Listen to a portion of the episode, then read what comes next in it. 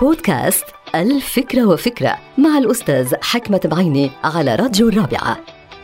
فكرة اليوم لها علاقة بالسعادة وعلاقة السعادة بالعطاء. طبعا هذه الفكرة ليست بجديدة لأنه من المعروف أنه العطاء والتضحية ومساعدة الناس كل عوامل محفزة لهرمونات السعادة ولا سيما هرمون السيروتونين. الفكرة التي نتحدث عنها هي العلاقة التصاعدية التي تربط كمية الهرمونات المحفزة للسعادة بنوعية هذا العطاء. فلقد حدثني أحد الأصدقاء عن مجموعة مشاهدات وملاحظات جعلته يعتقد أن نوع العطاء له تأثير كبير على السعادة الشخصية لصاحب هذا العطاء. فلقد لاحظ صديقي عند زيارته للمراكز التي تعنى بأصحاب الهمم أن العاملين هناك والموظفين الذين يعتنون بأصحاب الهمم يرسمون دائما ابتسامة جميلة على وجوههم ويفرحون بأي شيء جميل حتى ولو كان بسيطا إذا ما صدر عن أصحاب الهمم.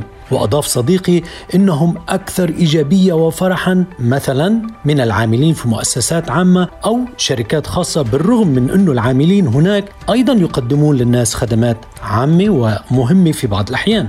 فهل منسوب السعادة ونوعيتها مرتبط بمن يتلقى ويستفيد من هذا العطاء وليس فقط بمن يقدم ويمنح هذا العطاء؟